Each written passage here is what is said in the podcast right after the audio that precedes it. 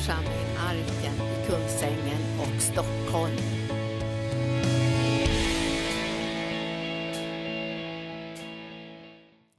Halleluja.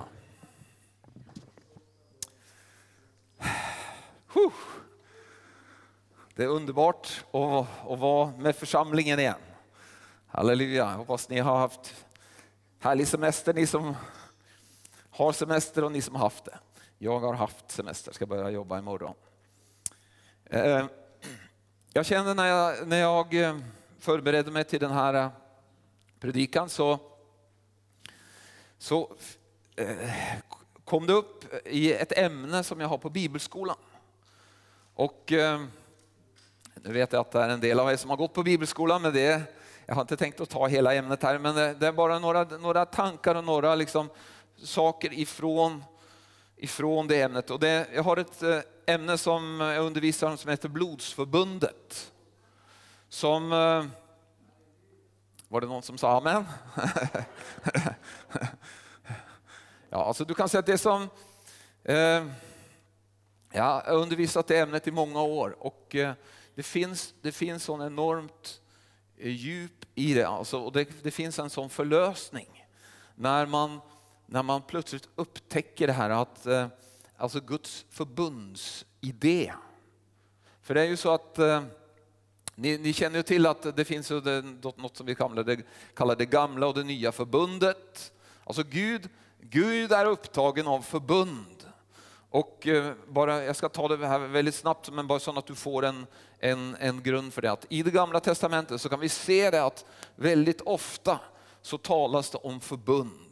Och det handlar då om en typ av förbund som, som människor ingick då som var, väldigt, det var väldigt allvarligt. Det var så här att man sökte ofta efter en förbundspartner som kunde, som kunde utfylla en eller, eller som kunde vara eh, som kunde liksom eh, tillsammans med förbundspartner så kunde man bli stark. Då. En svag stam kanske som eh, sökte efter en större stam som då kunde liksom vara ett typ av beskydd. Och det var olika tillfällen man gjorde det här. Det var, eh, ena var ju det att man behövde beskydd, alltså i styrka i, i militärt kan du säga. Det andra var ju att man, man kanske kopplade ihop i affärer eller man, koppl, alltså, man ingick ett förbund med varandra.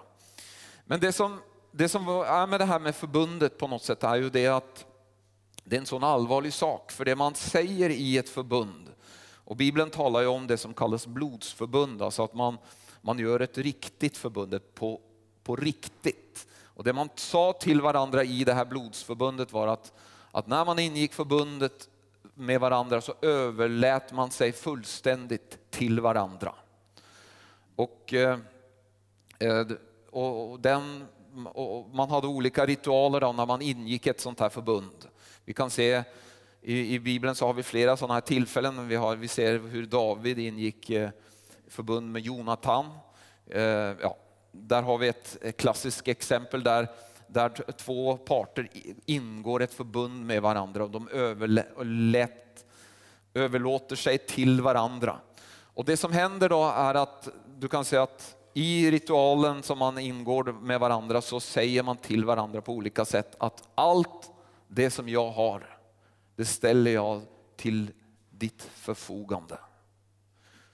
Så, så du kan säga att poängen med att ingå förbund var ju liksom det att det var två parter som fullständigt överlät sig till varandra och, och det man sa till varandra att om du, skulle behö, om du någon gång skulle behöva det som jag har så ska du veta att det står till ditt förfogande.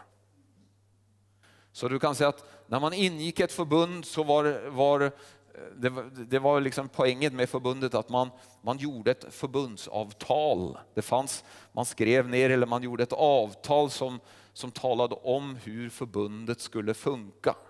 Så att det var inte frågan om sen liksom om, om jag behövde hjälp och liksom jag, jag, låt oss säga var utsatt av fienden på, och så fick jag kalla på hjälp och så, och så skulle det avgöras då om jag skulle få hjälp eller inte.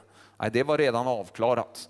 Så alla visste det att om de attackerade den här stammen som stod i förbund med den stammen så betyder det att i det ögonblicket som de kom emot den stammen så, så blev det problem från ett annat håll också. Och idag så har vi ju en av sådana här förbund är ju den här förbundspakten NATO.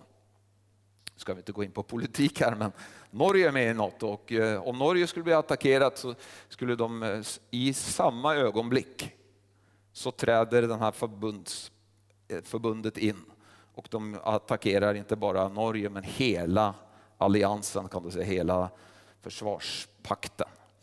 Eh, men du kan säga vilken eh, tanke är det som jag, som jag vill dela med dig? Jo, av och till så, så är vi så väldigt upptagna av vår egen styrka.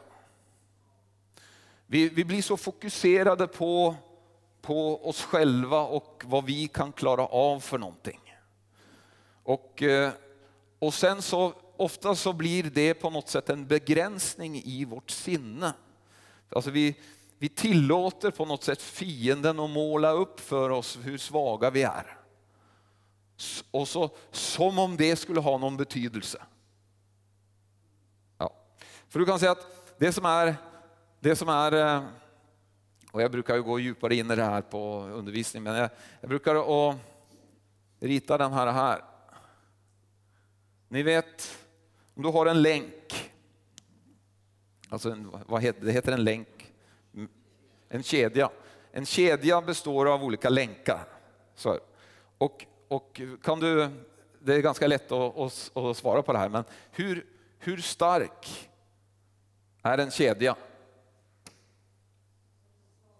Som den svagaste länken. Så du kan säga att om det skulle vara så att du var kopplad ihop med Gud som en kedja, så hade det varit viktigt att du var fokuserad på dig själv. För då hade, det, då hade allt brustit och eh, om du var svag så, så, hade det varit liksom begränsning. Men nu är, nu är du inte kan du säga, kopplad ihop med Gud på det här sättet. Du är kopplad ihop med Gud eh, med, i ett förbund. Och i ett förbund så är det helt annorlunda. I ett förbund så är det inte så att, att eh, du kan säga att de, om eh, om den lilla förbundspartnern då är väldigt svag och den stora är väldigt eh, stark. Så hur, om du frågar dig då, vad är styrkan i förbundet? Som den starke. Du kan säga att det som händer är att i ett förbund så uppslukas Alltså den, lill, den lillas styrka fullständigt uppslukas av, av den starke. Och du kan säga att det är, det, är, det här på något sätt som du och jag, när, när du och jag blir frälsta och, och kommer in i det här förbundet, så kan vi börja leva på ett nytt sätt. Innan vi blev frälsta så, så var, det, då var det faktiskt den här gränsen här som var viktig att hålla reda på. För det var, där, det var ditt område, det var det som du skulle kunna klara. Det var det som, det var det, det alltså, men när du nu har kommit in i, i, ett, i ett förbund med en förbundspartner som du kan se som är, som är så stor och som är så stark och som är så liksom, har sån, är som obegränsade resurser. Så är så, så vill det vara fel av dig. Alltså det är fel att, alltså det, det, det blir inte rätt om du fokuserar på vad du på din gräns, är, vad du klarar, vad du har förmår eller vad, vilken styrka du har. Du kan, du kan säga att det, det, är nästan så att det som händer när, när, du, när, när Gud tar dig in i det här förbundet är att han börjar, han börjar, han kallar på dig att börja leva ett liv utanför din, din begränsning. Och jag, jag, tror nästan, eh, man kan säga så här, nästan, eller jag tror faktiskt det är en princip att när Gud kallar på dig till någonting så gör han det utanför din, din begränsning.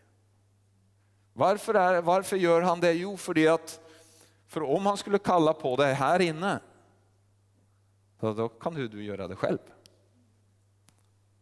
Alltså eh, poängen med att Gud vill ha dig liksom igång med det som han är upptagen av är ju för att du ska, att eh, du ska göra någonting som du behöver han till.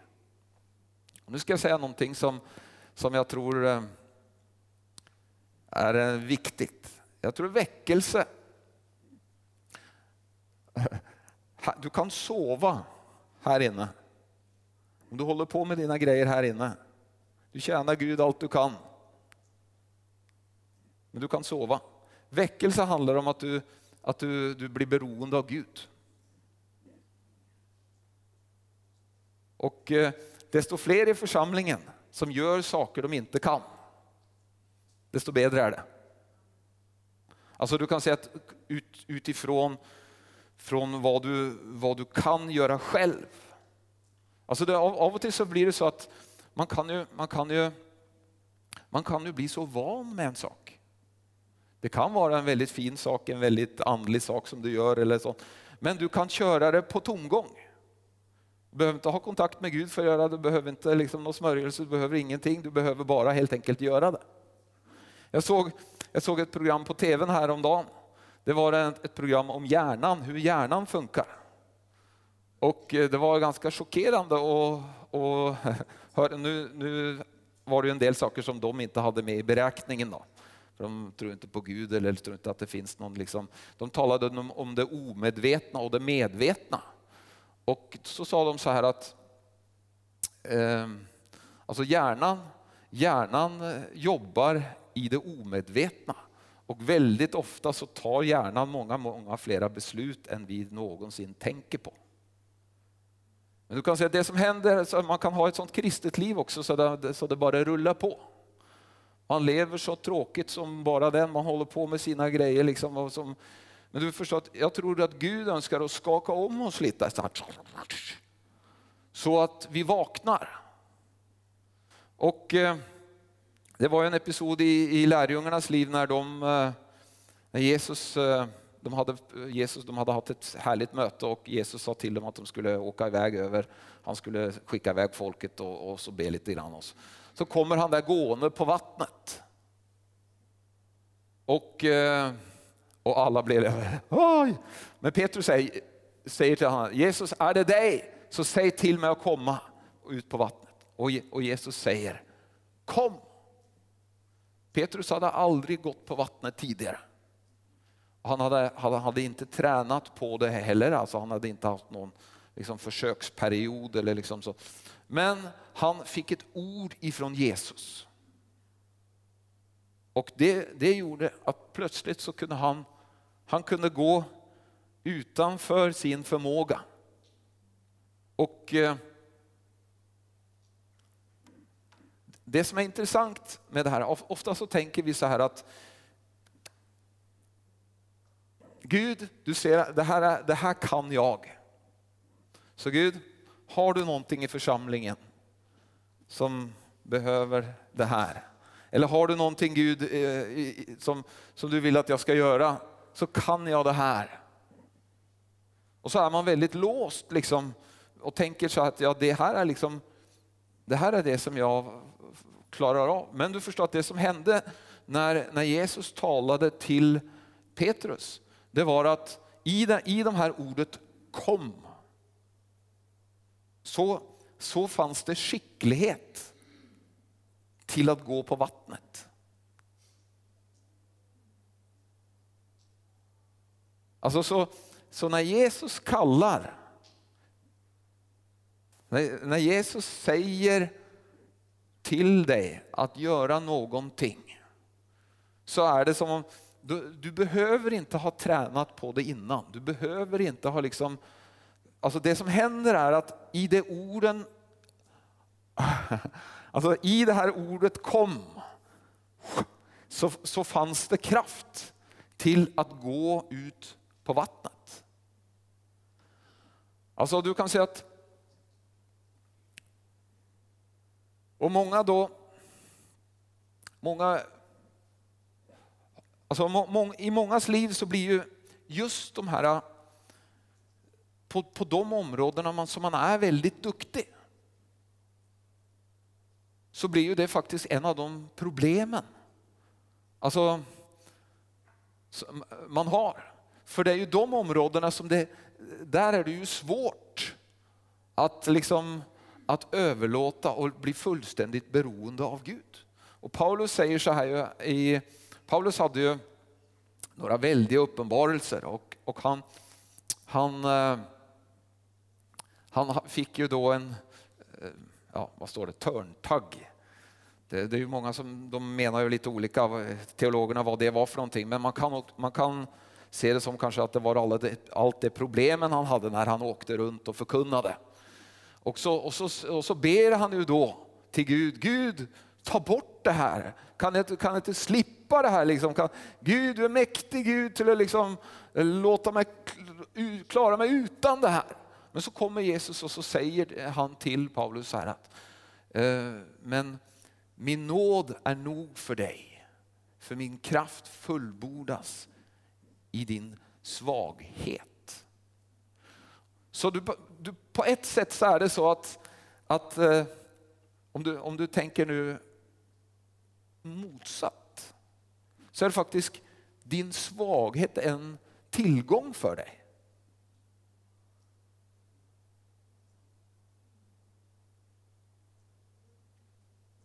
Alltså det är först när du kommer till insikt om att du inte kan göra det här själv. Det är först när du kommer till insikt att nej, jag behöver att koppla ihop med Gud. Jag behöver att sätta tro till han. det, är då, jag, kommer, jag kommer ihåg så tydligt en speciell händelse, jag brukar berätta det här för bibelskoleeleverna. Ehm, jag var på en bibelkurs en sommar, jag var ganska nyfrälst, jag var väl 17 år eller något sånt. Och eh, eh jag åkte dit, jag kände, jag tror inte jag kände någon där. Jag kom dit och då är jag alltid att göra intryck från första stund. Då. Så jag gjorde ju liksom, jag skulle ju låta alla få veta att jag var ju den bedjaren och liksom den andliga typen. Då. Så jag körde på och liksom jag bad högst och jag bad liksom, ja, så alla skulle veta liksom att här, här har vi en riktig, en riktig en här. Men det som hände, det gick en stund där på den där kursen och jag, desto mer jag lyfte upp mig själv liksom och jag, så torrare, torrare och torrare blev det. Alltså det var som jag, jag märkte hur Gud liksom bara skruvade igen kranen liksom. Och till slut så, så kände jag, nej det här går inte. Och så, jag, så gick jag, det var enda stället jag kunde gå på var på toaletten. Och jag böjde, ner på, böjde knä på toaletten. Och så, hjälp! Jag klarar inte av det här, det går inte. Jag klarar det inte utan dig Gud. Och då var det som om jag såg det här liksom att det, det är ju faktiskt så att, att, att jag är helt beroende av honom. Och det var när, när på något sätt som jag, när jag såg min egen svaghet och jag såg hur det här liksom funkade. Och när jag bara böjde mig där så var jag som, så kom, så kom livet, så kom kraften, så kom styrkan igen. Som jag, alltså jag, jag, jag, jag hade ju liksom det här flödet i mig men så fort det liksom jag började att fokusera på mig själv så bara ströps det. Och, eh, så du kan säga att eh, det Gud vill är ju att vi ska ha våra ögon fästa på honom. Och eh, alltså det är ju det som är det är det som är det spännande när man är i förbund med någon. Då kan man leva på ett annat sätt. Och tidigare, innan du liksom kom in i förbundet, så, så levde du på det här sättet. Alltid när du fick en utmaning så tittade du på vad klarar jag av? Har jag styrka eller kraft eller resurser? Eller, eller liksom. Men nu, när du får en utmaning nu, vad gör du då? Du bara titta på din förbundspartner. Och så, och så är frågan, liksom, klarar vi av det här? Och det, det är liksom, men då har du det där i Filipperbrevet, ni vet.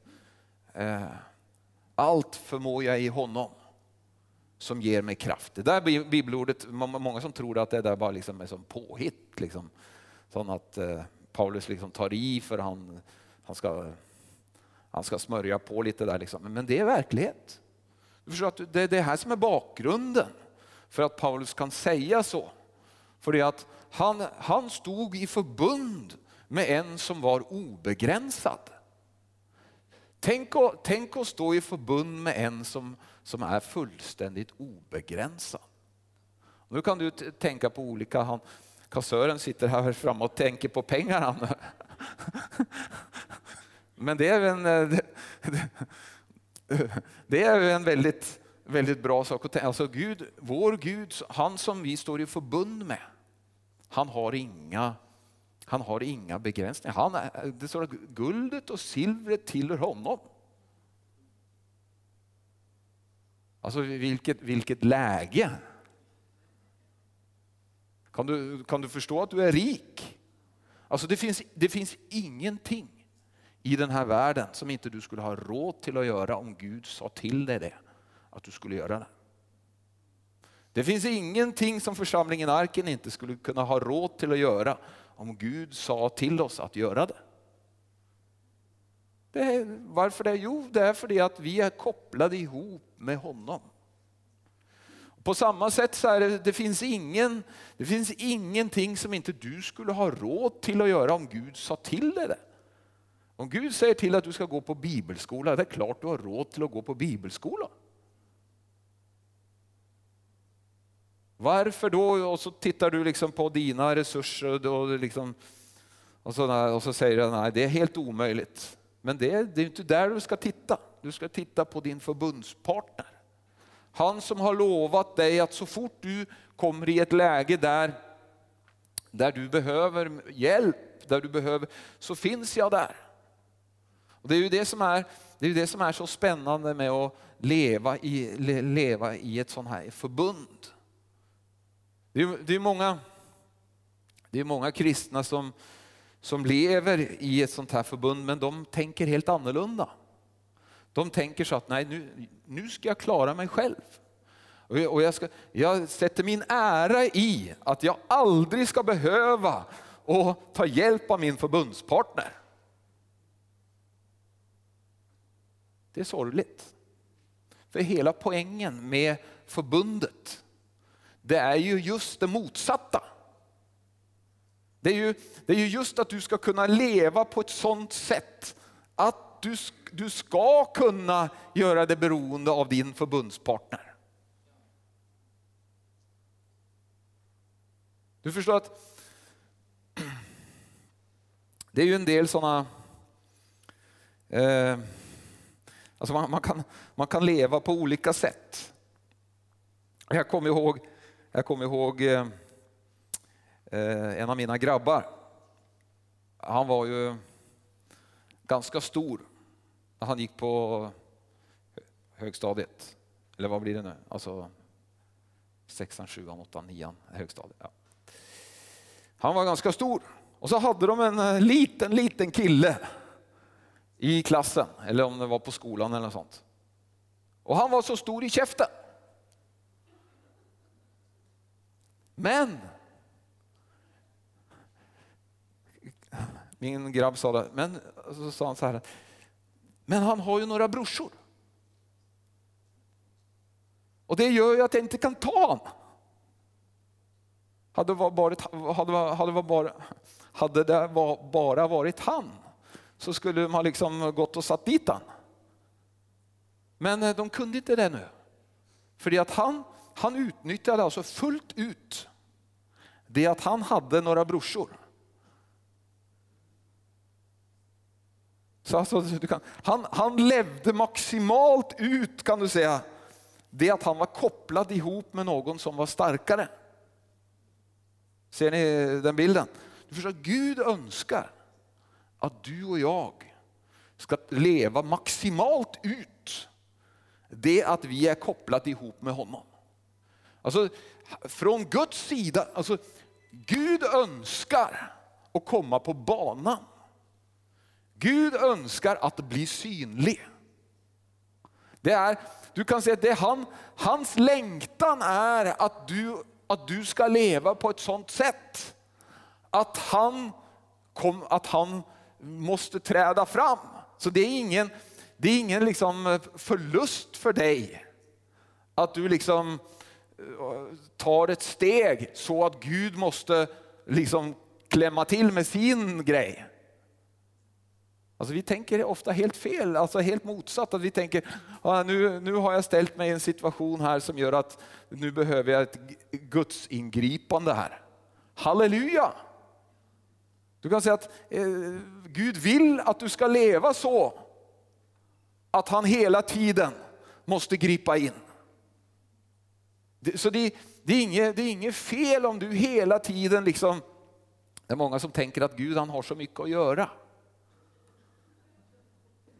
Liksom säga, jag ska inte störa han. Men du förstår att Gud, alltså sådana här störningar eh, gillar han. Han gillar att bli tvungen att gripa in liksom och, och fylla all din, dina behov i sin härlighet i Kristus Jesus. Det, uff, det gillar han. För det som händer, då, det som händer när, när du gör saker med, och det kommer en sån övernaturlig touch i det och Gud blir synlig, det är ju att, att Gud får äran. Efter ett tag så, alltså, många tänker så här, åh nej, jag kan inte leva ett sånt övernaturligt liv för då kommer jag till att bli så högmodig. Men du förstår, det är, det är inget problem överhuvudtaget. För när du är där ute så det är liksom det minsta du är, högmodig. Men du kan säga att det, det, det som händer är när du börjar leva på ett sånt sätt är att du hela tiden så kommer Guds kraft och griper in. Och du och jag vi kan, vi kan liksom eh, njuta fullt ut av det som han, han redan har gjort. Och liksom poängen med det här förbundet är ju är ju det att det redan, redan, förbundet är redan klart. När vi, när vi tar nattvarden hos oss så påminner vi oss om det här förbundet som vi står i. Det är ett förbund där Jesus fullständigt liksom, har överlåtit allt till oss. Och, hur har Gud välsignat oss i det här förbundet? Jo, han har, genom att han har skapat oss i Kristus Jesus. Vi, är, vi står i det här förbundet i honom. Du och jag, vi är välsignade med all den himmelska världens andliga välsignelse.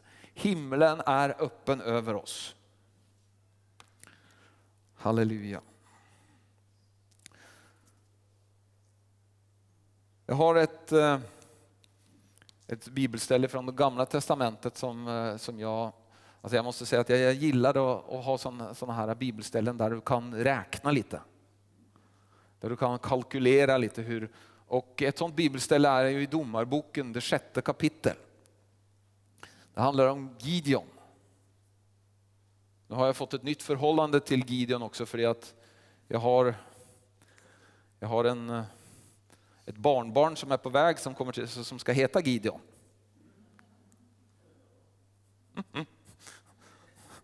Men jag, jag, jag, tycker den här berättelsen om Gideon är underbar. Alltså, eh, Gideon han, han, han levde ju på en tid där allt var liksom, ja det var riktigt dåligt.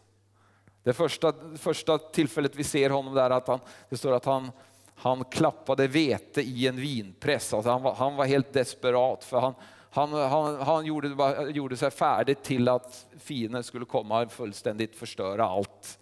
Det hade de gjort nu de senaste åren så han, han räknar med att det, så händer i år också. Och det var liksom helt eländigt. Och så kommer där en ängel och, uppenbarar sig för, för Gideon. Då. Och så får de till, ja, det blir ett samtal där som. Men de, de samtalar i varje fall och eh, Gud kallar Gideon till att bli kan du säga, ledare för Israel och, eh, och frälsa liksom hela Israel ut ur den här svåra situationen. Då. Och så ser vi lite längre fram, eh, lite, lite efter det, så, så ber han om ett tecken också. Han får tecknet och, och så kommer situationen då. Han, eh, fienden kommer emot dem. Har ni kalkylatorn klara nu så, så, så, kan ni få vara med och kalkylera här. Det står att fienden kommer emot mot Gideon med en här på 132 000 man. Och eh, Gideon då samlar ju då hela folket Och han klarar att samla 32 000 man. Vem klarar att räkna det snabbast? 132 mot 32. Vad har vi för förhållande här? Styrkförhållande. Är det någon som har räknat? 10? Nej. 32 000 mot 132. Man har kalkylator i sina mobiler. så... Du kan säga att det som är intressant här är att veta vilket styrkeförhållande. För, här, för det som händer här är att Gud, Gud säger till Gideon att, vad blev det?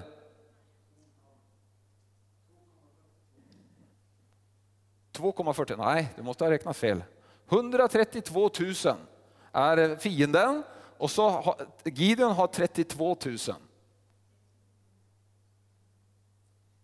132 delat på 32. Vad har vi då?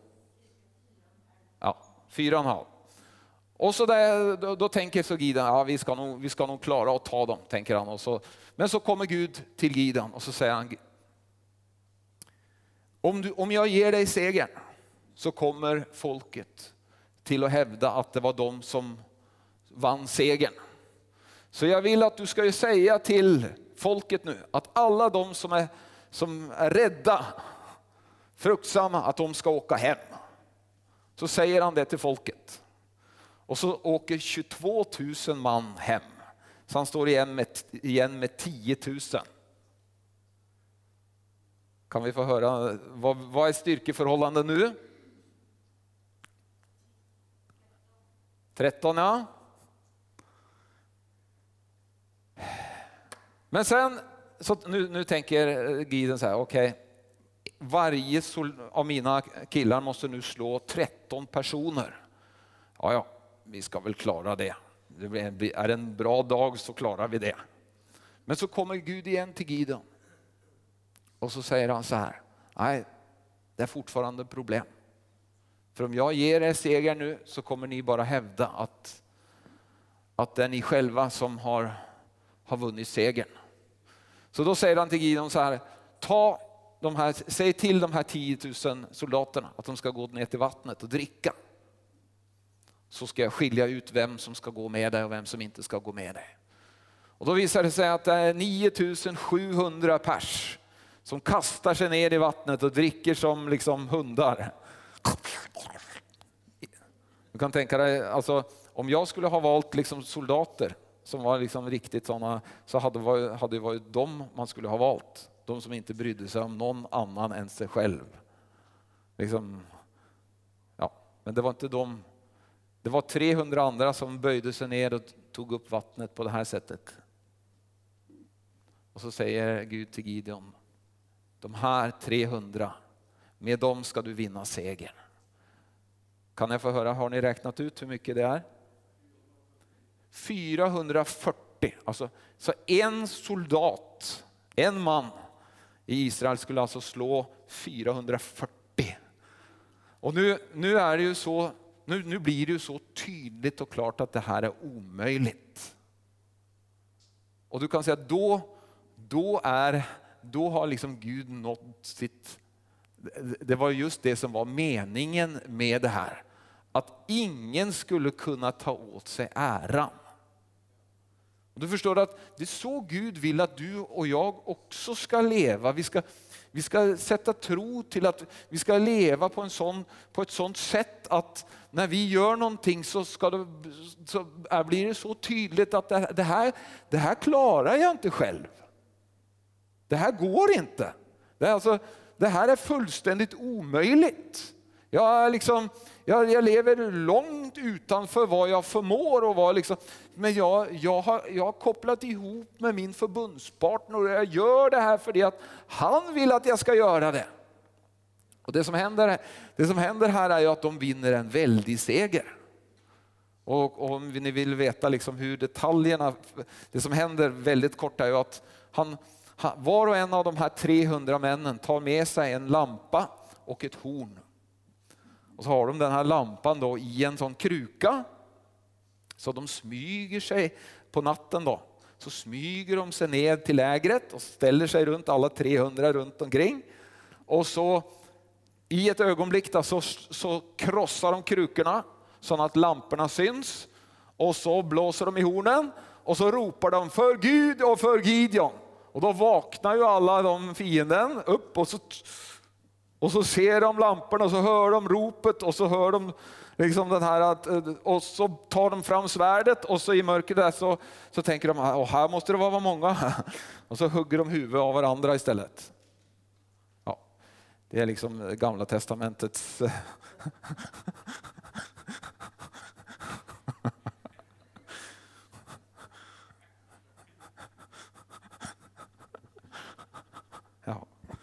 Halleluja, men du förstår att det är, ett, det är ett poäng i det här. Och det handlar om att du och jag, alltså det, det, din, din och min svaghet är absolut inget problem för Gud överhuvudtaget.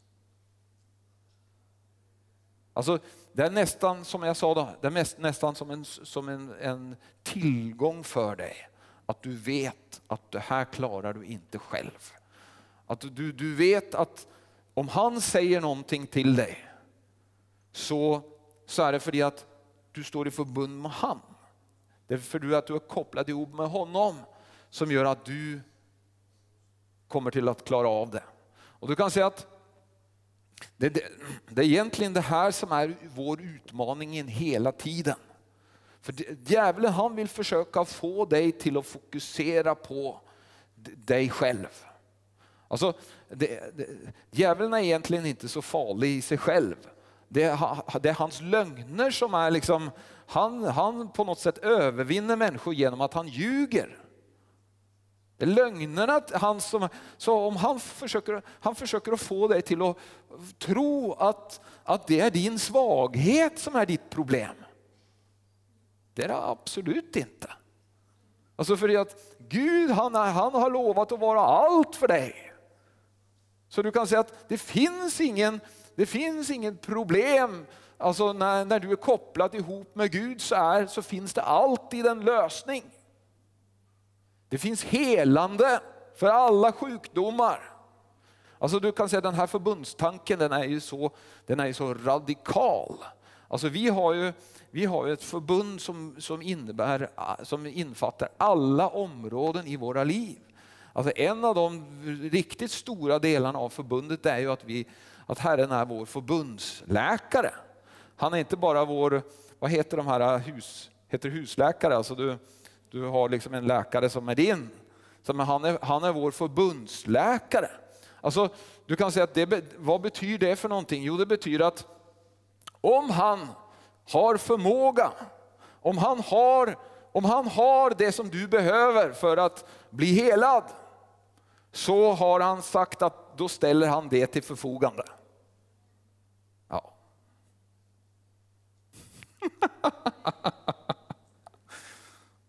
Halleluja. Jag, jag blir glad i varje fall.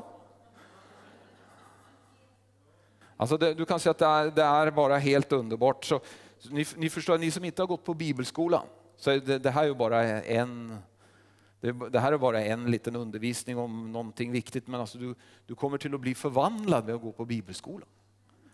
Det är liksom helt... Eh, för du, för du kan säga att det, det är ju liksom, det är inte bara sånt teoretiskt, vi har inte någon sån, du blir ju inte teolog vid att gå på Arkens bibelskola. Du, du, du får förmåga till att kunna leva ett övernaturligt liv. Det är det som, det är det som händer på, på vår bibelskola.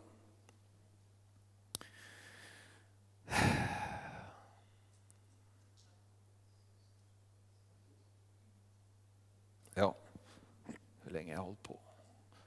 Ja, vi, vi tar nu några små, små godbitar till. En sak som en sak som är, du kan säga en sån eh, utmaning. Det är det att, eh, hur ska man säga det? Um,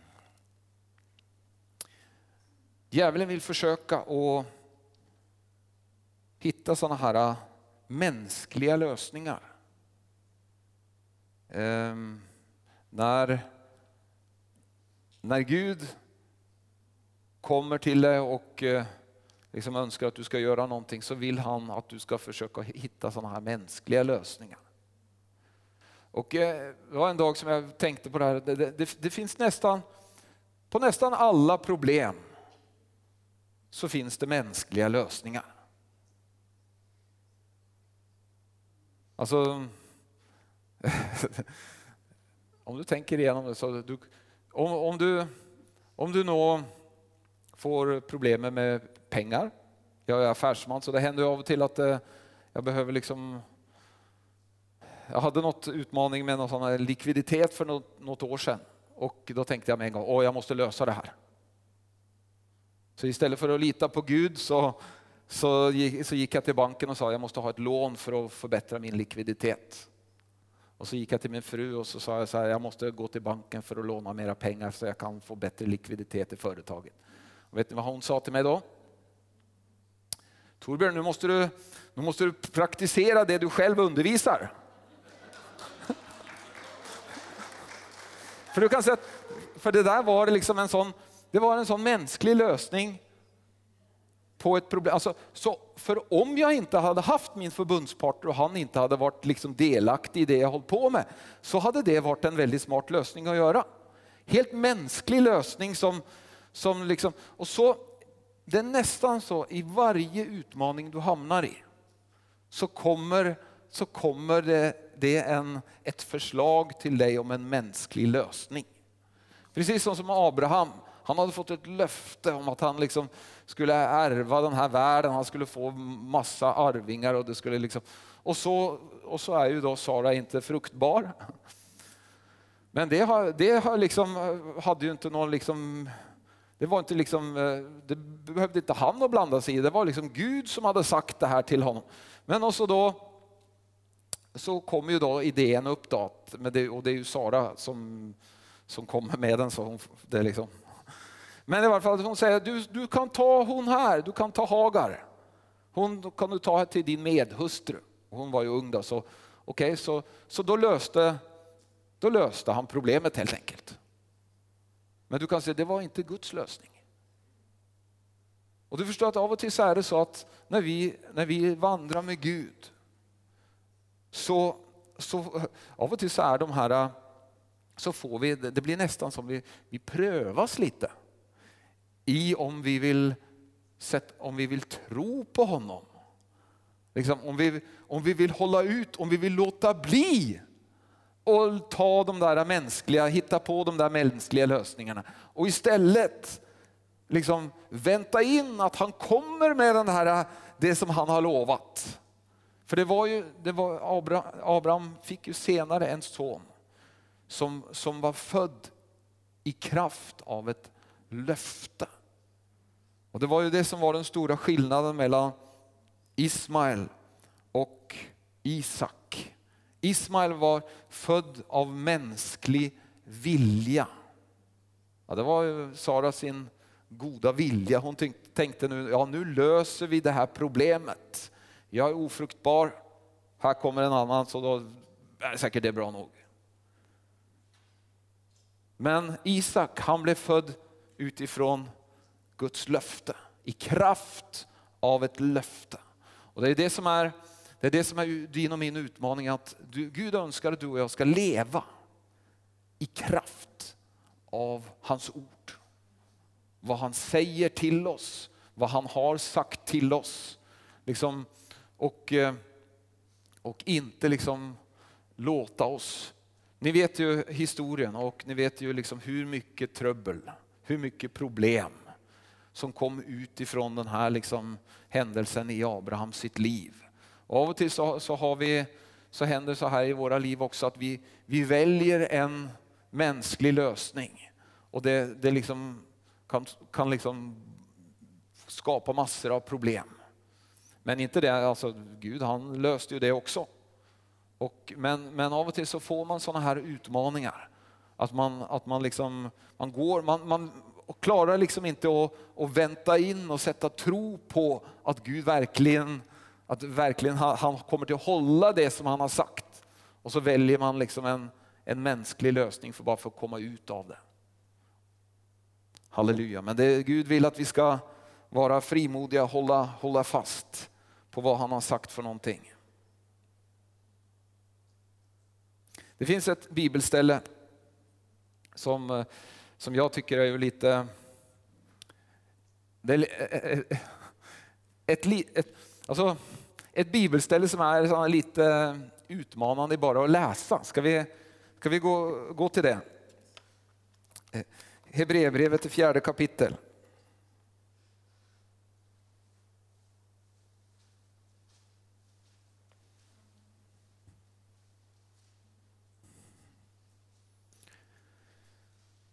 Först, först så ska vi läsa ett som inte är så utmanande att läsa, men som vi, som vi läser ofta. I, i Hebreerbrevet kapitel 4 vers 2. Och här, här talas det om Israels folket som, som inte kom in i, i löfteslandet. Då står det så här, ty evangeliet har predikats för oss, like som för dem. Men för dem blev ordet som de hörde inte till någon nytta, eftersom det inte genom tron hade smält samman med dem som hörde det. Vad är, det han, vad är det han tänker på här? Jo, han tänker på första gången som Israels folket skulle gå in i löfteslandet när Mose skickade ut tolv spejare och de kom tillbaka igen och gav en dålig rapport. Två gav en god rapport men det var ingen som brydde sig om. Och eh, på grund av att de inte ville tro på vad Gud hade sagt, han hade ju gett dem landet och allt var liksom eh, klart, så, så reste de sig upp emot Mose och Aron och eh, ville åka tillbaka till Egypten. Och då, och då står det på grund av att ordet som de hörde inte smälte samman med tron. Alltså, de, de använde inte det ordet som de hade fått och, och handlade och kopplade ihop med, med det ordet. Så du kan se att så det står här att ordet blev då till ingen nytta. Det är ju det som är så allvarligt. Därför har jag en, en av de eh, sakerna som jag undervisar om på bibelskolan är ju det vi kallar praktisk tro. Så att, för du förstår att problemet med, med tro om du bara har det i huvudet, alltså du blir bara en teorist. Alltså, du kan, ha, du kan liksom ha praktiken eller du kan ha teorin här uppe och ingenting funkar. Och det är, det är jobbigt. Därför är det liksom det som är utmaningen är att göra så som de står, säger här att, att, att man gör ordet om till handling, att det smälter ihop med dig. Och då ska du nu få läsa det här bibelstället som är lite utmanande. Om vi går lite, lite längre ner. Ja. Vi, om vi tar från vers 9 så står det så här. Alltså finns det en sabbatsvila kvar för Guds folk. Den som har kommit in i hans vila får vila från sina gärningar, lika som Gud vilade från sina. Låt oss därför ivrigt sträva efter att komma in i den vilan.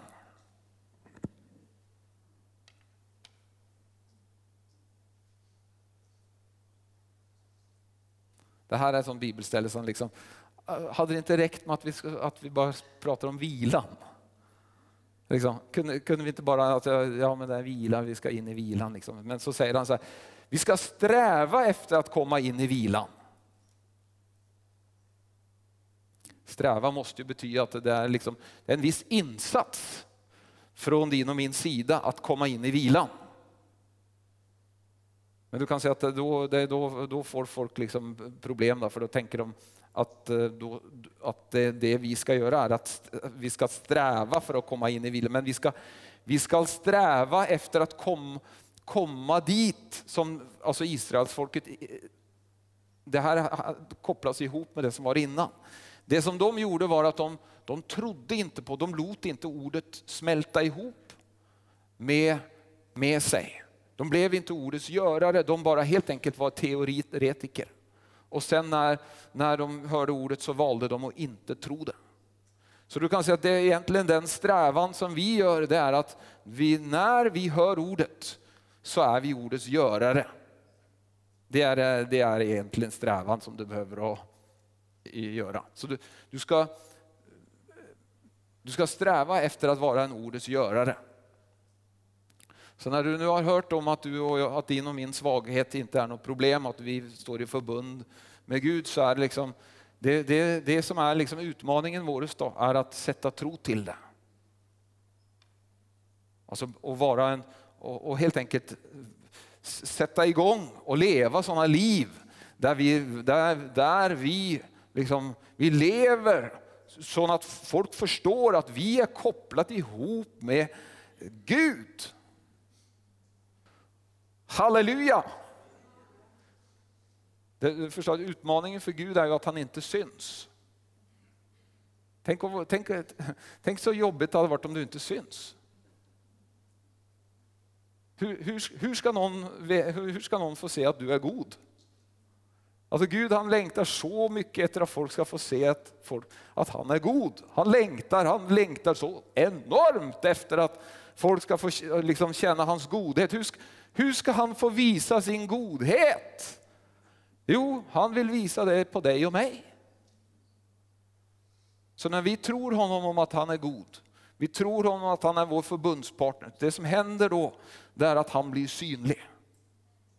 Så vi, är, vi blir sådana här äh, reklampelare. Han syns inte, men vi syns. Och så då, frågan som man kan ställa sig, hur är din Gud mot dig? Jo, han är så här god. Och så kan du, halleluja. Jag, jag, med hela mitt liv är baserat på att jag är kopplad ihop med honom. Så titta på mig. Och så kan de se, för det som är grejen är att om du är kopplad ihop med Gud så visar Gud öser ut sin godhet över dig. Han botar dig, han, han hjälper dig, han, liksom, han lyfter dig upp. Han, han är liksom, och, men nu ska, jag, nu ska jag sluta här. Ja. Men ofta så tänker vi så här bara att han gör det för att, och för att, för att han, alltså, han, han, han vill så gärna att vi ska bli botad eller han vill hjälpa oss så, så väldigt. Men det är inte bara det. Han, önsk, han önskar också att visa vem han är. Alltså så i tillägg till att han älskar dig så mycket så han liksom inte klarar att låta bli och välsigna dig så önskar han också att, att människor ska se vilken Gud du har. Och Det är det som är kan du säga, vårt samarbete med Gud. Så när du och jag lever, börjar aktivt leva sådana liv så att vi hela tiden ställer oss i en position där Gud måste gripa in. Och, och Det som händer när han griper in är att han visar sin godhet. Då, då blir liksom det här samspelet mellan dig och Gud. Så himmelske Fader, vi tackar dig Fader för att du är en god Gud. Och vi tackar dig för att sanningen om det här förbundet, att det är, det är någonting som du har fört oss in i Herre. För att du, du längtar och uppenbarar dig genom dina förbundspartner. Vi tackar dig nu Gud Fader för att vår svaghet inte är något problem för dig. Det är heller en tillgång Herre som gör att, att, vi, att vi vågar eller att vi släpper till dig Gud. Att vi involverar dig i alla områden i våra liv Herre. Jag är så tacksam till dig Herre. Fader nu ber jag för var och en som är här inne Herre. Du ser alla de olika utmaningar Herre, de olika svårigheter, de olika sakerna som pressar dem, som gör att, att livet är tufft Herre. Herre nu ber jag Gud Fader om att du ska uppenbara det så tydligt Gud, att du är deras förbundsgud Herre. Och att du har sagt Herre att du står med dem fullt och helt, att du, du lämnar dem aldrig och du, du, med allt det som du har står du till, till deras förfogande Fader. Och Fader idag så sätter vi tro till dig Herre. Vi sätter tro till dig Herre. I Jesu namn. Halleluja.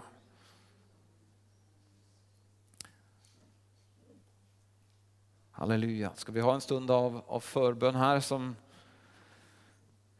eh, där jag tror att eh, kanske det, lika, det handlar lika mycket om just det att, att du och jag gensvarar till budskapet och eh, att vi väljer att flytta vår fokus ifrån oss själva till, till honom. Så, så eh, jag tror liksom lika mycket som att du får förbön, att vi bara löser ut smörjelse över dig, så, så har det betydelse det här att du, du tar ett beslut, att du helt enkelt bara du, du, du förstår, du vet att du är en, en förbundspartner med Gud och du, du vet att han vill att du ska leva på det här sättet och att du bara helt enkelt du bara väljer att göra det. Du väljer att sätta tro till honom.